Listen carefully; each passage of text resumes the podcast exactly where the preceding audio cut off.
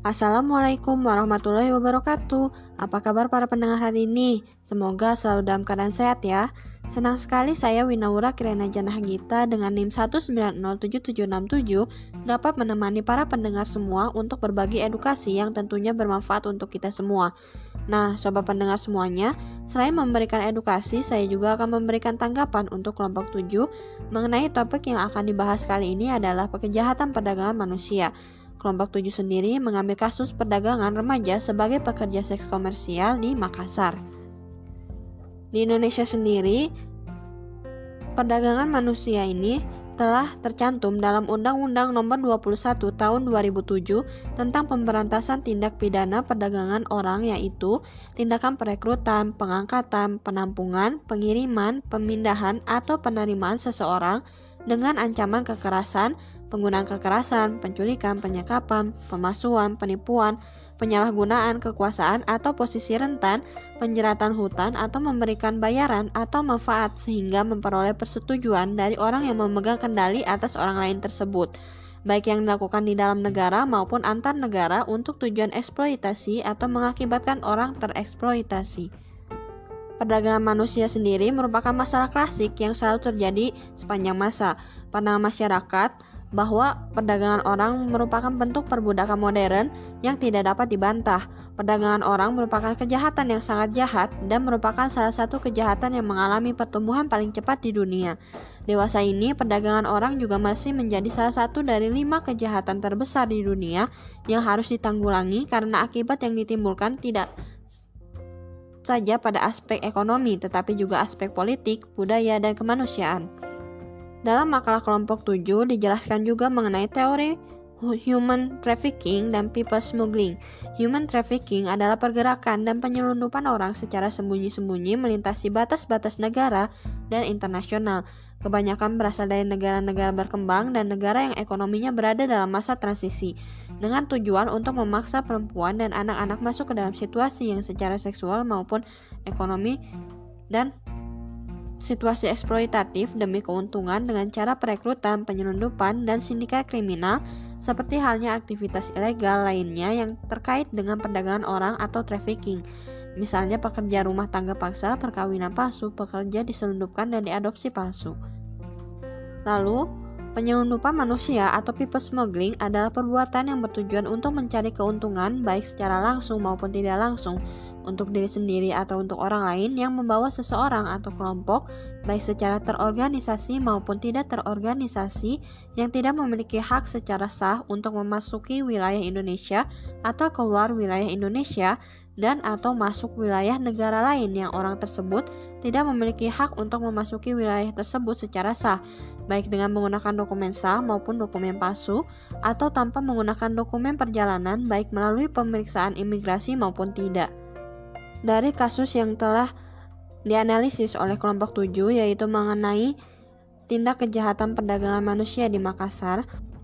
Menurut saya bahwa kasus perdagangan manusia ini masih menjadi topik perbincangan yang sangat hangat di seluruh dunia maupun di Indonesia sendiri karena perdagangan manusia ini masih sulit untuk dipecahkan atau dicarikan solusinya dan masih saja ada beberapa pihak yang masih melakukan perdagangan manusia tersebut.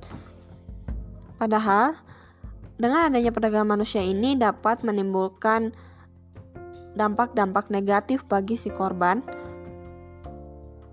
seperti psikis maupun fisiknya terganggu dan dalam makalah kelompok 7 juga dijelaskan mengenai viktimisasi yaitu sesuatu yang berkaitan dengan keberadaan korban. Artinya, Viktimisasi ini dapat menimbulkan penderitaan mental, fisik, dan sosial bagi korban dari perlakuan pihak-pihak lain yang memiliki kepentingan tertentu.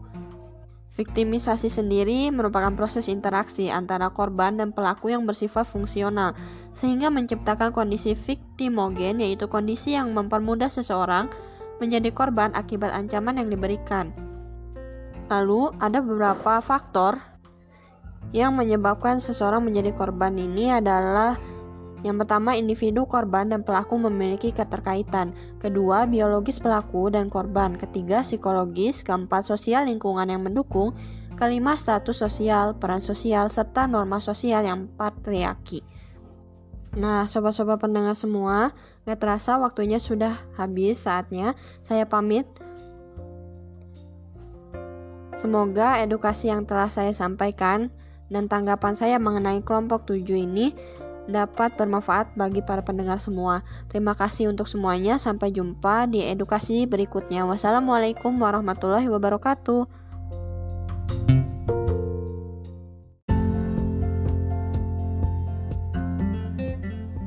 Assalamualaikum warahmatullahi wabarakatuh. Apa kabar para pendengar hari ini? Semoga selalu dalam keadaan sehat ya.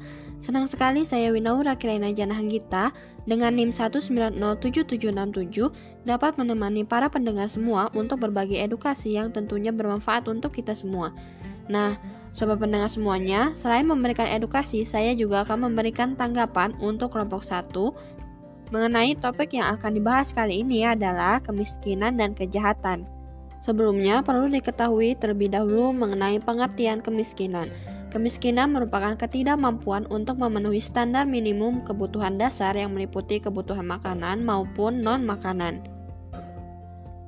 Menurut Surjono Sukonto, kemiskinan dapat diartikan sebagai suatu keadaan di mana seseorang tidak sanggup memelihara dirinya sendiri sesuai dengan taraf kehidupan kelompok dan juga tidak mampu memanfaatkan tenaga mental maupun fisiknya dalam kelompok tersebut.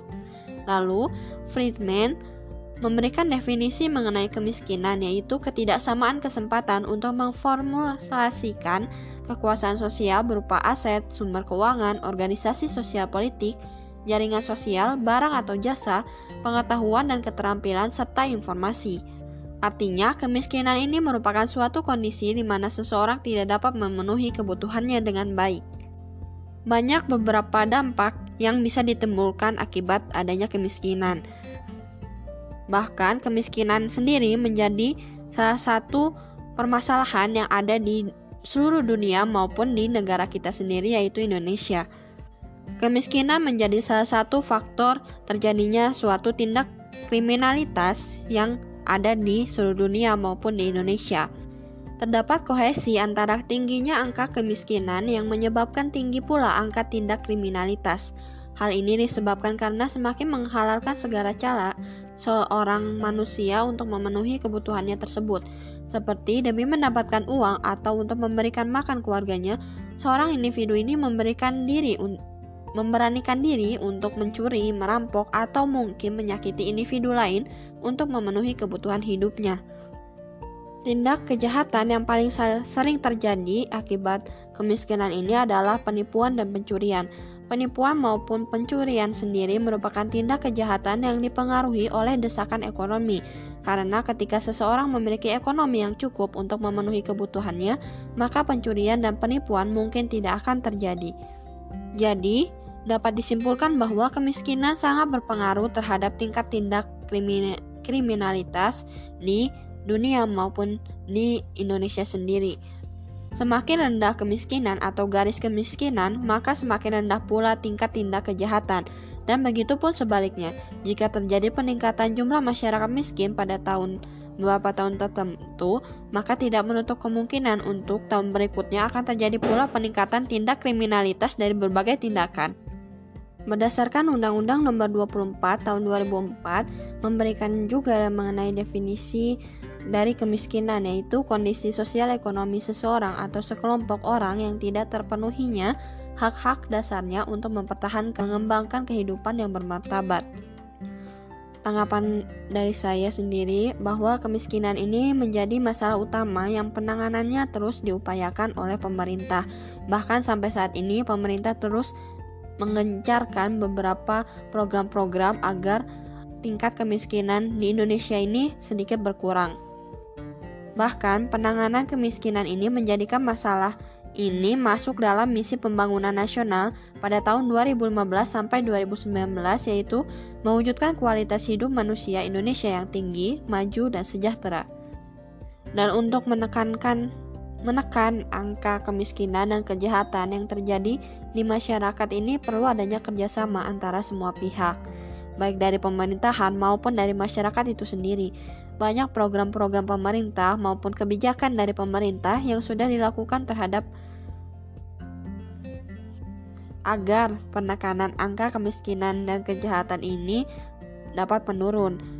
Jadi bagaimana jadi hanya bagaimana kita melakukan pengawasan kita maupun pemerintah melakukan pengawasan dan tanggung jawab pada setiap aspek kehidupan dalam menjalankan kebijakan yang sudah ada atau yang akan ada di suatu hari nanti.